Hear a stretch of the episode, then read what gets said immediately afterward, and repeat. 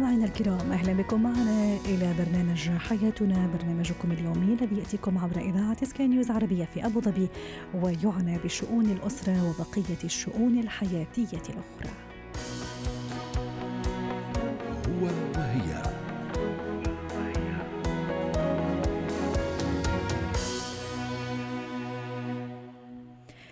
نتحدث اليوم كيف تجمع المرأة والزوجة تحديدا بين الأنوثة وقوة الشخصية. للحديث عن هذا الموضوع تنضم إلينا عبر الهاتف من بيروت ميسون حمزة الاستشارية النفسية والأسرية يسعد مساك أستاذة ميسون. هل الأنوثة عكس قوة الشخصية أم, أم الأنوثة تكمل قوة الشخصية؟ نعم اجدتي الانوثه تكمل قوة الشخصية لأنه لو اعتمد لو اعتمدنا شعار أن الأنوثة تتعارض مع قوة الشخصية نحن هنا نهين المرأة نهين الأنثى وننفي عنها وجود العقل وهذا أمر آه، طبعا نستطيع أن نلاحظه من خلال الأدوار المطلوبة من المرأة والجهود التي تقوم بها المرأة كشريكة وهي نصف المجتمع وهي عنصر أساسي وركيزة أساسية. لا تتنافى قوة الشخصية مع الأنوثة إذا ما تعارضت مع الاحترام والقدرة على الحوار والعقل الراجح والحكمة. أما أن نتسلح بقوة الشخصية بعامل الوقاحة فهنا نخرج عن إطار قوة الشخصية ونخرج أيضا عن الصفات التي يجب أن يتحلى بها الإنسان كالثقة والاحترام وغيرها. جميل. طيب هذه المعادلة اللي ربما مش يعني مش كثير آه اللي يجيدها إلى حد ما. راح أسمح لنفسي وأقول هذا هذه العبارة. لكن كيف لي ان أجمع بين هاتين الصفتين اللي هي الأنوثة وقوة الشخصية؟ كيف أتمتع بصفات أنثوية؟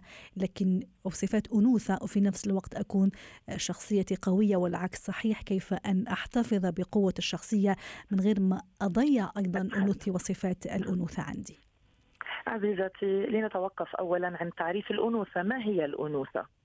يعني بماذا ترتبط الأنوثة؟ الأنوثة ترتبط بمعيار جندري. يعني آه، إذا كنت أنثى أم ذكر أي أنا امرأة آه، سأكون لي أدوار محددة داخل المجتمع. أي خروج عن أدواري يعني أنا آه، امرأة سأتزوج سيكون لي أسرة سأنجب أطفال سأكون عاملة. كل ذلك يجب أن يتحلى وخصوصا نحن اليوم في القرن الواحد والعشرين بموضوع أساسي وعامل أساسي هو العلم والتعلم.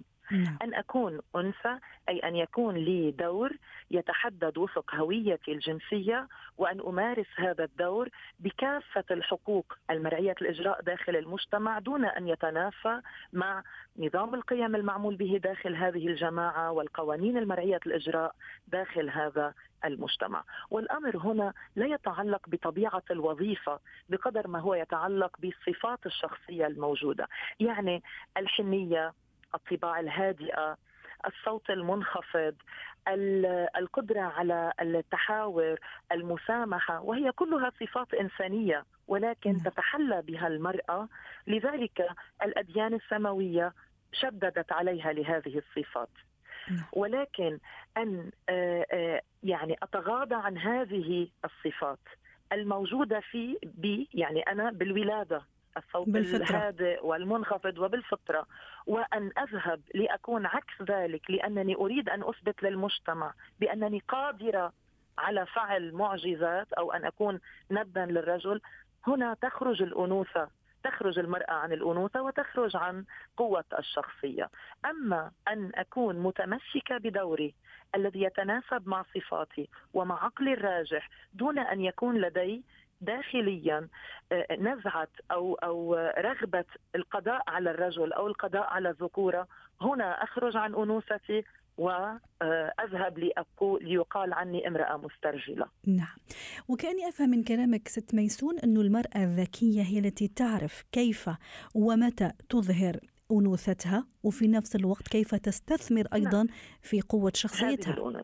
نعم المرأة الذكية والذكاء يجب أن نقول دائما أنه مرتبط بالعلم. ولا أقول هنا أنه على المرأة أن تحدد شهادات عليا ولكن أن تتمتع بحق التعلم يعني بحق أن تطلع وتقرأ ويكون لها حرية رأي ويكون لها حرية اختيار. ولكن نعم. دائما ضمن القوانين المرعية والأخلاقيات المرعية داخل الجماعة. نعم, آه نعم. التخلي عن هذا وعدم استخدام الذكاء وقنوع المرأة بأنها آه، ناقصة نعم. يعني ينقصها العقل ينقصها الفكر هذا أمر طبعا سيذهب بالمرأة إلى أماكن لا تحمد عقباها نعم. وسيصبح المجتمع ذكوري يتسلط بذكوريته على على الإناث لكي يصبحن بلا دور بلا قيمة وبلا وبلا حقوق. لكن في النهاية المرأة أيضا هي التي من تحدد دورها وهي من تحدد يعني نظرة الناس لها. ست ميسون في مقولة دائما نسمعها كثير قوة المرأة في ضعفها.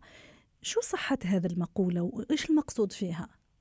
آه، المقصود هنا طبعا الكثير من المفكرين والعلماء عارضوا هذه العبارة ولكن نحن نستطيع أن نقول المقصود بالضعف هو الحنية، الحنان، المشاعر الرقيقة، خصوصا أن المرأة يعني لنأخذ مثلا لنأخذ مثلا فترات الولادة ولحظات الولادة والحمل والوضع والتربية، في هذا كله تكون المرأة ضعيفة الجسد يعني وفي هذا الضعف قوة الخلق لله يعني عز وجل ميزها الله بهذا الأمر.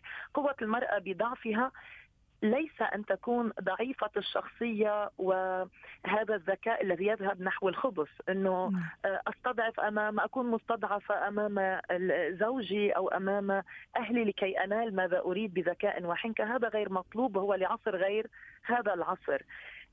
الضعف هنا هو المقصود به المشاعر والرقة والضعف الجسدي أيضا لأننا كلنا نعلم أن الرجل يضاهي المرأة بالتكوين آه، بالقدرة الجسدية نعم. طبعا بما فضل الله بعضهم على بعض يعني نعم. يوجد نساء قويات البنية وال نعم. والجسد. وحتى نختم أيضا هذا اللقاء سيد ميسون أنه فعلا الجمع بين الأنوثة وقوة الشخصية هو ما يجعل المرأة آه، متميزة وتحديدا حديثنا عن الزوجة. شكرا لك ميسون حمزة الاستشارية النفسية والأسرية ضيفتنا من بيروت ويسعد مساكي.